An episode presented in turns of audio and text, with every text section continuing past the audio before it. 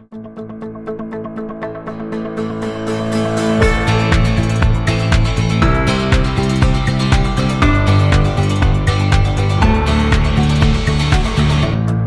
og velkommen til AFA Norges podkast Sirkuler. Mitt navn er Nancy Strand. Gjest i dag er Lars Brede Johansen fra Handels Miljøfond, og vi skal snakke om plast. Velkommen til deg, Lars. Takk skal du ha, Nancy. Hyggelig å være her. Du, dere har jo, dere har jo eh, lansert en spennende rapport i dag. Kan ikke du eh, Altså, du jobber nå i Handels Miljøfond som analytiker. Og har eh, lang fartstid i å jobbe med, med innsamling og gjenvinning av emballasje i, i Grønnpunkt Norge. Før den tid. Så hvor, hvor lenge har du jobbet med dette nå? Oi, ja det er mer enn 15 år, mindre enn 20 år. Ja, du har i hvert fall solid bakgrunn eh, for, eh, for egne meninger. Har også vært en pådriver for, for forskning og, og, mer kunnskap. Og det er vel noe av det som eh, dere har kommet med nå? Ja, det forsøker vi å bidra til, ja. Den, det, kan ikke du si bare to ord om Handels miljøfond, for, for de som ikke er kjent med, med hva det er? Ja, Det er Norges største private miljøfond som eh, finansieres med en kontingent som våre medlemmer betaler per eh, plastbærepose som de kjøper inn. Eh, og det går nå 50 øre per plastbærepose inn til oss, og det skal vi bruke til å finansiere prosjekter som har tre hovedformål. og Det er jo en å redusere antall plastbæreposer. To å forebygge og rydde opp i forsøpling. Og tre øke ressurseffektiviteten til plast, heter det. Og det, I det prosjektet her er det oversatt til 50% materialgjenvinning av all plast. Ja, nettopp. Og når du sier medlemmer, så er det, så er det handels... Eh, det er handelen. Så de tre store i dagligvarehandel er med, og så er det masse faghandel som er med. Så vi dekker godt over 85% mener vi, av alle plastbæreposer som brukes i Norge eller som går over disk i Norge. Da. Og i år så har det vært så lite privatimport, så det er jo ganske presist. Ikke sant. Men det som eh, dere har eh, da et utgangspunkt, som du sier, i eh, plastbæreposene. Det var sånn det begynte. Men her skal vi nå snakke om materialinnvinning av all plast, ikke bare emballasje. Nei, det er poengtert og begrunna i at det er jo mye krav retta mot en plastemballasje. Og så er det krav som kommer også retta mot kommunene. Eh, men vi ser at det vil bli et stort krav om eh, å bli mer sirkulær som vil oppleves av alle som bruker plast. og Dessuten så er det slik at når man skal prøve å lage en rasjonell plan for Norge totalt sett for plast, så er det jo Jeg har jobba veldig mye med emballasje, og det er en veldig stor altså det er 40% ca. av alt plastavfall. Og det er mye som er gjort og mye som gjenstår, men vi ser at det er store muligheter og til dels eh, ganske store lavthengende frukter innen andre bransjer for å eh, øke materialgjenvinningen. Og vi ser også at når vi kobler inn norsk plastindustri, så gir det rett og slett ikke mening å avgrense en slik plan til kun emballasje f.eks., eller kun emballasje og andre produkter som er omfattet av produsentansvar, f.eks. sånn som e-produkter og biler eller kjøretøy. Det gir ikke mm. mening. Ja, ikke sant. Men det er, dette er jo et eh, er det eh, Jeg tenker at hvis jeg tenker som en, en forbruker, da, eller en innbygger i en kommune, og, så vil jeg på en måte tenke at dette er helt forskjellige materialer. Men det er det kanskje ikke? Tenker du ja, i forskjellige eh, næringer? Ja, ikke sant. Altså emballasje og, emballasje og eh, bygg- og anleggsprodukter og, og, annen plast, som du sier, i elektronikk og biler. Det, det, det, er, det finnes jo veldig mange forskjellige plasttyper. Ja, der er vi jo veldig godt kjent igjen med emballasje. Og vi ser at eh, det er jo en utfordring å blande alt dette, for så å sortere. slik at man vil jo aldri finne på å blande f.eks. plastavfallet fra husholdninger med Eh, definerte avfallsstrømmer fra f.eks. oppdrettsnæringa. Sånn at når man ser på en plan eller et det vi har prøvd, er å tegne et framtidsbilde som viser at det er mulig å nå 50% materialgjenvinning. Og Da blir det jo på en måte en delplan for alt avfallet fra husholdninger, som inkluderer en delplan for det lignende avfall fra næringslivet. Og så blir det egne delplaner som er bransjevise. Og det vi ser er f.eks. siden jeg nevnte oppdrettsnæringa. Det er jo sagt at det kan være opptil 20 tonn plast i én mære. Og mærer er det mange av. Og det er ganske homogent. ikke sant? Det brukes veldig mye HDPE. Og, ved, og, da ser vi jo der at det kan etableres det vi kaller closed loop resirkulering. At, eh, eller lukka kretsløp. Som betyr rett og slett at de har mulighet ved enkel standardisering av hvilke materialer de bruker på mæreringer og gangbaner og slik på oppdrettsanlegg, og et velfungerende innsamlingssystem og norske gjenvinnere, så kan de etablere lukka kretsløp ganske enkelt. Og dette er jo snakk om kanskje 20 000 tonn pluss. Ja. Så derfor så, da begynner det å monne? Ja, det begynner å monne. Og så er det en viktig norsk næring, og så har du norske aktører. Så hvis du skulle på en måte utelate det fra en slik plan, så, så gir det ikke mening miljømessig sett. Det er jo én ting, og det er kanskje det viktigste. Men du, du snur ryggen til uh, både næring, altså uh, businessmuligheter og en mulighet til å komme litt i forkant av en utvikling som veldig mange er opptatt av. Mm, ja, ikke sant. For, og det er jo det eh, som jeg skjønner at dere har, har, sett på her. Altså, vi snakker jo om en drøy en halv million tonn, eller er det noe sånt? Ja, altså det, har, det, er jo dårlige data på plast. slik at Dette prosjektet begynte jo med en materialstrømsanalyse som ble levert tidlig i fjor. Og Vi har fortsatt ikke gode tall på hvor mye plast som går ut i det norske markedet totalt sett. Men vi har gjort et godt estimat på hvor mye plastavfall som, hvert, som genereres i Norge hvert år, og det er ca. 540 000 tonn. Mm, mm.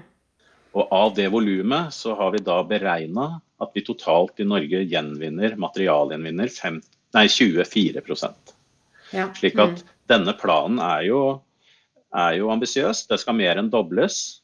Og det er da et faktum at det da er kunnskap viktig, holdninger er viktig, men det er også svært viktig at vi eh, legger vekt på den nasjonale dugnaden det vil være, og, og på en måte bygge det sirkulære Norge, da, som vi litt svulstig kaller det. Som betyr at vi må bygge mange nye industrielle anlegg for å håndtere plasten og få den til å gå i kretsløp.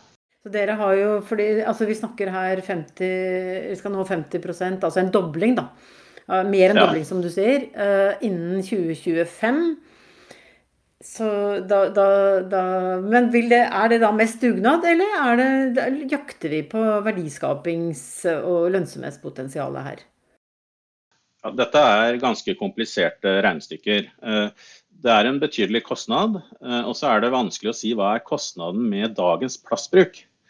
Det snakka vi jo litt om tidligere, Nancy. at hvis vi sammenligner med bensinprisen, og så ser vi at plast er jo billigere enn bensin.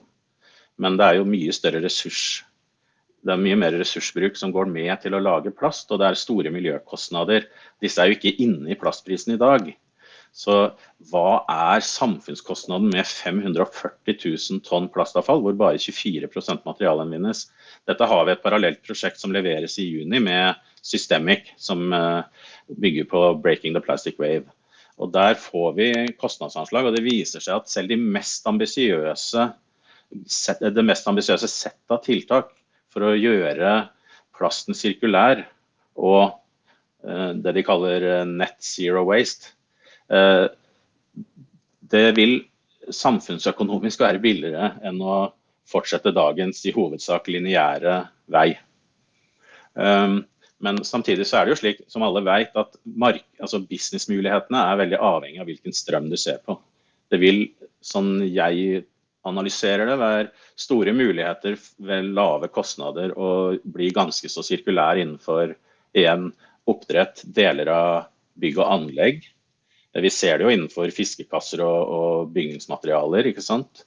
Uh, mens andre deler, sånn som plasten fra husholdninger og lignende avfall fra næringslivet, der vil vi i lengre tid måtte tilføre betydelige ressurser. Både for å investere i nye anlegg og drifte disse anleggene, og få fram resirkulert plast av en kvalitet som er etterspurt i markedet. Og Da er jo diskusjonen allerede Den er vi jo godt kjent med. Hvem skal betale? Og det må jeg være litt feig ut og si at det, det er jo ikke Handelens miljøfonds jobb å, å, å, bestemme det. Eh, vi prøver å tilrettelegge. Vi bruker jo Elon Musk-formuleringen at vi skal akselerere utviklingen av et sirkulært eh, plastsystem da, som gjenvinner minst 50 Men eh, vi har jo flere aktører som er avhengig av kraftige forbedringer i dagens plastsystem for å nå sine mål. Og da, Siden jeg kommer fra Grønnpunkt Norge, så kan jeg si at plastemballasje er helt avhengig av at det blir gjort strukturelle grep for at, de skal, at det skal være mulig for, for, produsentene å ta sitt ansvar. Fordi Der venter jo nå et krav i 2025 om 50% materialgjenvinning av plast. Og man er langt unna. Og alle vet, ja, og Det samme gjelder jo kommunene, som møter også veldig økte krav om materialgjenvinning når vi ser mot 2025 og 2035. Så Der, deler de, der er de, sitter de på en måte i samme båt eh, og er avhengig av hverandre.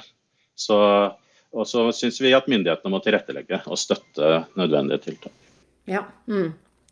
Men det jeg, dette, jeg har lyst jeg har litt lyst til å gå inn på, på, mm, på, de tiltakene som dere foreslår.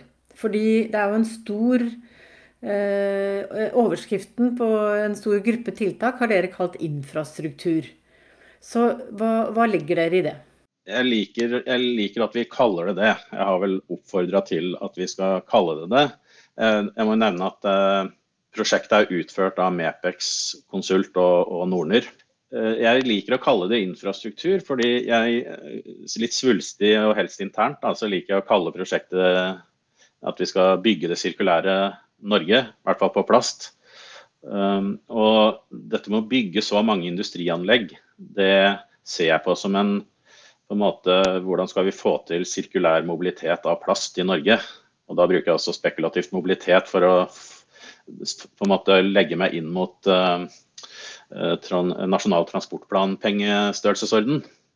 Fordi dette vil jo koste uh, Vi har jo estimert at hele den omstruktureringen her vil koste 6-7 milliarder kroner. Det er jo totalt ti grovsorteringsanlegg i kommunal regi. Kanskje noen ekstra i privat regi for å ta av, nei, husholdningslignende avfall fra næringslivet. Og et nasjonalt finsorteringsanlegg, state of the art, og tilsvarende gjenvinningsanlegg. Mm. Så dette er jo en stor eh, struktur, og da mener jeg at infrastruktur er riktig. Ja. Mm. Men bare for å skille litt på, på begrepene her. Så, så det, det, dere da har lagt i grovsorteringsanlegg, eh, er det sånn, den type anlegg som f.eks. Eh, vi finner på, på Nedre Romerike i dag, eller? Ikke helt. Der har vi jo sett på Altså, det er jo kommunene til slutt som må bestemme. Og, men vi har tegna opp flere alternative nasjonale strukturer. Og den eh, vi har funnet vil være den beste for Norge, er at vi avgrenser kommunenes rolle til å utsortere plasten fra restavfallet. Så du kan si innsamlingssystemet blir som hos eh, Roaf-anlegget nord for Oslo og Ivar i Stavanger-Sandnes. Men selve sorteringsanlegget vil bli noe enklere og noe da billigere. For der skal man bare ta all plasten ut i én fraksjon. Så det er det de ti anleggene skal gjøre. Og så har vi valgt, heller enn å etablere regionale sentrale ettersorteringsanlegg av typen ROAF, så har vi valgt å skille det helt ut og lage ett stort nasjonalt eh, finsorteringsanlegg, som vi kaller det, I Norge litt mer etter svensk modell, kan du si, av. Bortsett fra at i Norge så vil jo da hovedandelen etter vår plan av inngående varer komme fra grovsorteringsanlegg. Eh, dette er gjort egentlig fordi vi ser at kvalitet altså det, det samles inn mye mer, mer og mer plast i EU. Og en stor utfordring som vi må se, se komme, er avsetning av resirkulert plast. Og den beste medisinen mot det mulige problemet er å lage best mulig kvalitet. Og ved å ha ett nasjonalt anlegg, så tenker vi ja, du kan bruke state of the art av tradisjonell sorteringsteknologi. I tillegg så kommer jo dette med kunstig intelligens, altså at du kan sortere på form for å få, flere, altså få polymertypene sortert fra hverandre i enda større detalj.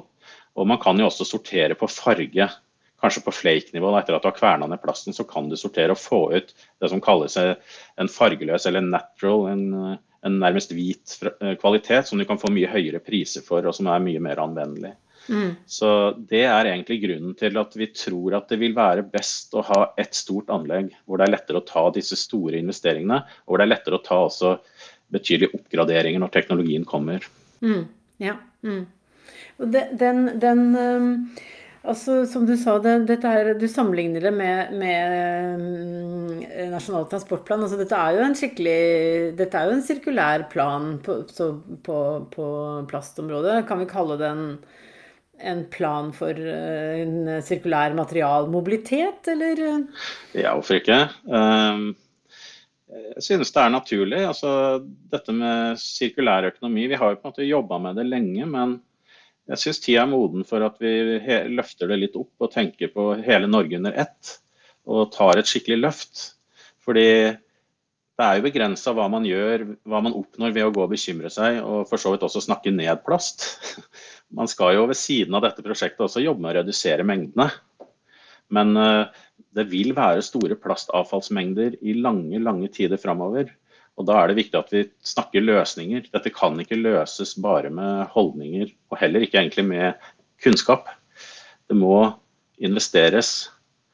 Og Derfor så syns jeg også nasjonale myndigheter bør komme på banen med sitt virkemiddelapparat og, og bidra på en måte senke dørstokken for at denne, en, denne eller en tilsvarende struktur blir etablert. Mm, mm.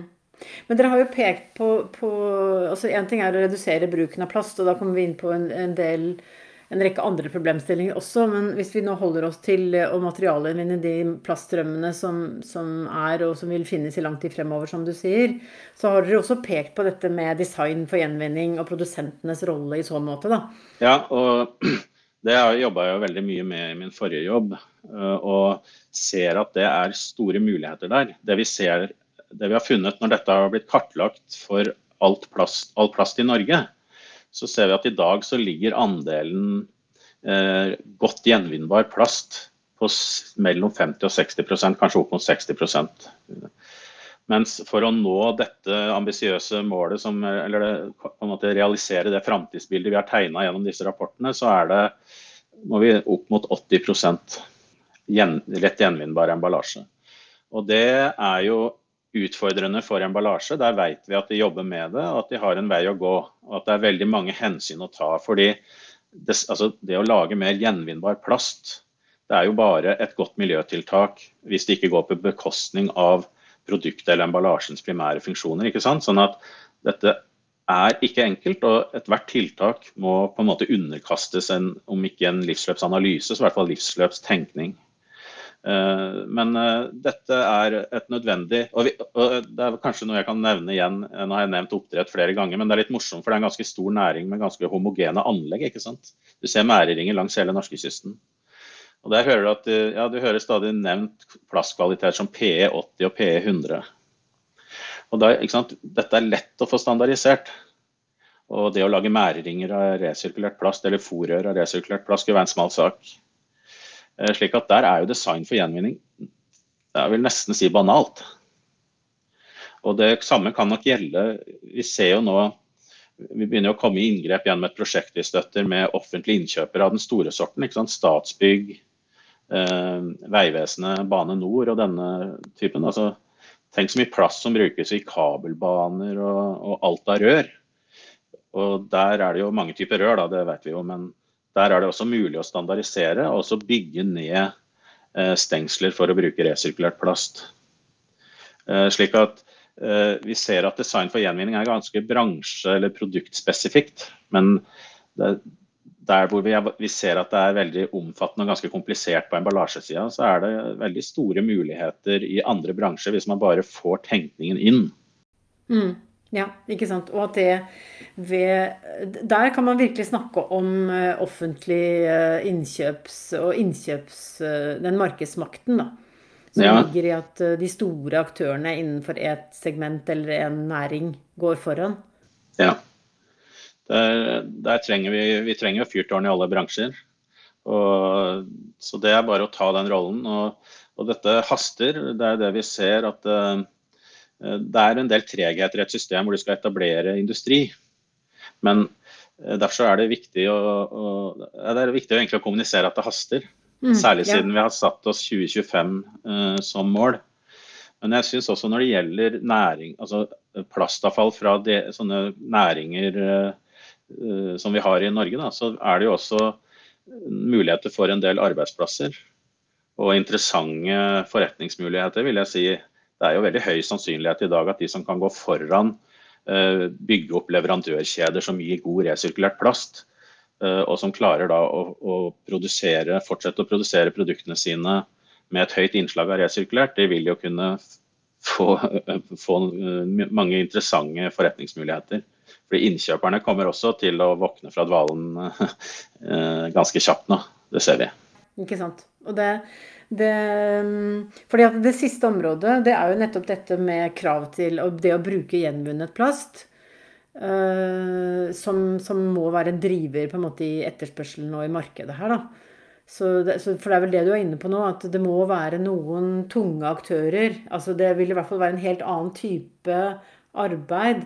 Å mobilisere noen store, tunge eh, aktører og næringer som er, kan standardisere, fremfor å mobilisere liksom et myldriader av, av innkjøpere som, som, sitter med hver sin mer avgrensede rolle. Da. Ja, og der var det jo veldig morsomt, egentlig. Jeg begynte jo i Handels miljøfond i høst og fikk ansvaret for en utlysning på økt bruk av resirkulert plast. Og, det var jo på en måte rett, et, rett fra å ha jobba med veldig krevende utfordringer på bruk av resirkulert plast i matemballasje og sånn, hvor det er et omfattende regelverk og, av naturlige grunner. Så fikk vi plutselig inn søknader fra industrien. Um, på 1000 tonn resirkulert plast her og 500 her og oppi 2000 tonn i enkeltprosjekter. Så det summerte seg, hvis alt blir realisert som det blei søkt, da, så er det liksom mellom 15 og 20 000 tonn økt bruk av resirkulert plast bare på en liten utlysning. Det var jo bare i hermetegn 20 millioner kroner, så det er en betydelig egeninnsats og andre finansieringskilder inne der. Men jeg syns det viser egentlig at Eh, hvis man hever blikket og ikke bare tenker emballasje, så er det veldig mange positive muligheter som ikke heller koster all verden. Og vi har jo hatt som en del av hele dette arbeidet her, da, så har vi hatt også det vi kaller plastsamarbeidet for å mobilisere norsk plastindustri. Og jeg har fått lov å besøke noen bedrifter etter da koronaen tillot det. Og det du ser er at det er en ganske raskt økende bevissthet. altså. Jeg tror ikke det skal så mange tiår tilbake før dette ikke var på radaren i det hele tatt. Og nå leiter de etter muligheter, og de ser at det er, bør være en del av, av, den sentrale strategien til bedriften. For dette påvirker konkurransekraften, rett og slett. Da. Så det er morsomt. Men jeg blir jo litt eh, altså Vi snakket litt om dette med at det er ganske kraftige investeringer som skal til. Um, og du har nevnt noen eh, For dere har pekt på noen, noen, noen muligheter, selv om som du sa, det er ikke Handels miljøfond som, som beslutter dette, men dere har pekt på, på noen sentrale muligheter. Så hva Det som slår meg, er jo at eh, bare beslutningen om å bygge ett sentralt, altså et felles nasjonalt anlegg Hvem skal ta en sånn beslutning? Kommunene eier uh, husholdningsavfallet, så, så beslutningen er deres og deres alene. Det er viktig å understreke. Det, det er jo ingenting som har endra seg på det området. Det som vi kanskje må utfordre når det gjelder eierskap til dette avfallet, er egentlig det, det husholdningslignende avfallet fra næringslivet. For der skiller Norge seg litt ut ved at de setter et veldig strengt skille mellom eh, husholdningsavfall og, og det lignende avfallet fra næringslivet. Det gjøres annerledes i en del andre land. Så Der trenger man nok en litt åpen diskusjon om hvordan dette skal organiseres. For det, er, det gir ikke mening i f.eks. Oslo eller Bergen eller Fredrikstad å bygge to like sorteringsanlegg vegg i vegg, fordi det er det som er nødvendig for ikke å bryte konkurranseloven eller eh, hvilken lov det nå er som regulerer det. Så der håper jeg at uh, enten at det blir en liten justering der uh, i, i, rammeverket, altså i regelverket, eller at uh, man finner noen konstruktive former for offentlig-privat samarbeid. da. Fordi en, Det er jo som du sier store kostnader, og da må vi i det minste klare å etablere en rasjonell struktur. Men sånn som, har dere, Tar dere egentlig nå til orde for en, en nasjonal uh, sirkulær plan. Og det er kanskje det Kan vi forvente det i den sirkulære strategien som kommer fra, fra regjeringen? Vi har jo sendt ut Den lanseres i dag, den, dette arbeidet. Jeg kan jo anbefale lytterne å gå på Handelens miljøfonds nettsider og finne landingssida for prosjektet. Det skal være til informasjon. Nei, så Da har vi jo sendt ut uh, noen e-poster, og så kommer vi til å følge opp viktige aktører. og Den har jo gått til KLD og Miljødirektoratet, det er jo ikke til å legge, legge skjul på. Så vi håper og tror at, uh, at uh, denne skal gi verdifulle innspill, og håper at de har tid til å ta dem på alvor. Nå var det vel en nyhetssak på at de prøver å komme i mål i løpet, før sommeren. da. Ja. Men vi er jo, altså, det er jo ikke alt her som er så nytt. Det er jo flere utredninger og, og rapporter i regi av Miljødirektoratet f.eks. som inneholder den samme strukturen. Uh, fordi det er, ikke, det er ikke mange veier som fører til en, en dobling kan du si, av eh, plastgjenvinningen fra husholdninger og, og de lignende strømmene fra næringslivet. Det er jo ikke det. Sånn at uh, dette er ikke nytt, men vi har satt det sammen på en måte og, og så tegna et helhetlig og vi mener konsistent, eller ja, altså, koherent heter det vel, eh, bilde av hvordan vi kan gjøre tiltak gjennom verdikjeden som totalt sett gir 50% materialinnvinning. og det, det, håper vi kan være nyttig for aktørene langs verdikjeden. og håper også at det kan være et referansepunkt som folk bruker for å finne sammen og ser at de er avhengig av hverandre. og Det er liksom et kjernepunkt ved sirkulær økonomi. at man må samarbeide langs verdikjeden. Ja, så, så eh, bortsett fra myndighetene, som jo på en måte åpenbart eh, har en, en, rolle å spille her, særlig spesielt i ramme, rammevilkårene, da. Men er det, liksom, er det et drømmescenario her på at eh, noen nå tar denne rapporten og sier at uh, dette ser bra ut, vi tar dette initiativet? Ja, Det er jo en diskusjon mellom uh, kommunen og produsentansvar for emballasje. Den kostnadsfordelingen der. Og begge, som jeg sa tidligere, så begge står jo overfor et uh, krav om å øke materialgjenvinningen. Uh, og de er samme, dermed er de i samme båt, for de vil høste av uh, forbedringene, begge to. Så jeg håper jo at de kan ha konstruktiv dialog og finne ut av det med hverandre. Og så håper jeg også at de eh, avklaringene som vi kanskje venter på fra EU og deretter nasjonale myndigheter, som legger føringer på hvordan dette skal gjøres, at det kommer fortere enn svint. da. Kan det tenkes at det er noen aktører eh, utenfor den, eh, det som er eh, si, dagens aktører, da. Det som er dagens både avfalls- og gjenvinningsbransje, men også måte, de produsentene som har som har produsentansvar, f.eks. Da tenker jeg som type investorer, eh, teknologileverandører. altså Kan det tenkes at eh, er, er det noen, Har vi noen jokere i ermet her som kan utløse denne type offentlig-privat samarbeid f.eks., eller som skal til f.eks. For, for det ene store anlegget som dere foreslår? da? Ja, jeg tror vi skal skille her mellom disse grovsorteringsanleggene, som eh, jeg tror det er vanskelig å se for seg kanskje skal være noe annet enn i kommunal regi. Men der er det en stor oppgave for kommunene å finne sammen for å gruppere seg litt regionalt da, for å eh, realisere en rasjonell struktur. Men så har vi jo to interessante muligheter, som du nevner. Det er jo dette nasjonale finsorteringsanlegget som skal ha en kapasitet kanskje på over 80 000 tonn. Også et uh, nasjonalt anlegg som skal vaske og granulere uh, den finsorterte plasten. Og da snakker vi et særdeles bra vaskeanlegg med mange trinn. og et, Den i seg sjøl er et uh, omfattende prosessanlegg. Og så snakker vi også om ekstrudering, hvor du skal ha avgassing av flyktige komponenter, uh, mikrofiltrering og pelletering. Og så kanskje også uh, refreshing, altså luktfjerning fra de ferdige pelletsene, for å øke anvendelsesområdene. Eh, og dette er anlegg som vi ser for oss bør være på private hender. Og som jeg mener at eh, hva skal jeg si, industrielle miljøer som mener at de kan eh, ta den oppgaven, bør kjenne sin besøkelsestid. Og vi har jo en utlysning ute nå om støtte til prosjektering av finsorteringsanlegg i Norge. Det er kort søknadsfrist, dessverre. Vi vil ha den ferdig behandla før sommeren. Men det er verdt å gå på nettsiden og sjekke ut. Og vi har jo industrielle miljøer. altså Vi har en stor offshorenæring. Klarer klarer du å gjøre den jobben de gjør der, så tror jeg de klarer Da har de folka og erfaringen som skal til for å gå inn i denne bransjen. Og vi har jo, følger jo litt med. altså Det er jo morsomt å se sånn som Aker Solutions og det miljøet som, eh, som jo jeg tror driver og ser på muligheter litt bredt innenfor det grønne skiftet. Mm. Ja. Det, og det kan jo alle gjøre. Vi har jo mye flinke folk i Norge. Og jeg har gått på gamle NTH, og oljenæringa støvsugde jo de flinke folka, liksom. Eller støvsugde NTH for de flinke folka. Og det, det er jo bare å glede seg til eh, flere av de kommer eh, over gjerdet til oss. Ja, ikke sant.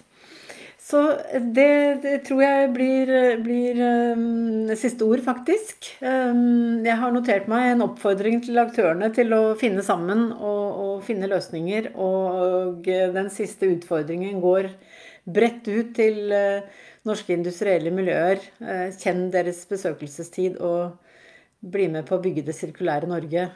Det syns jeg var fint sagt. Ja, det kom fra deg. Velkommen, eh, velkommen til nett... Ja, det var det. Da skal, burde jeg ikke sagt det sånn. Og velkommen til nettsidene våre. Der ligger det rapporter og litt mer. Veldig, veldig fint. Så um, tusen takk, uh, Lars, for at du kom til AFA Norges podkast. Takk skal du ha, Nancy. Nå har jeg hørt så mye podkaster, så det var morsomt å endelig være med på en. Ja, veldig bra. Da sier vi også takk til alle andre som har hørt på. Og vi høres igjen. Ha det bra.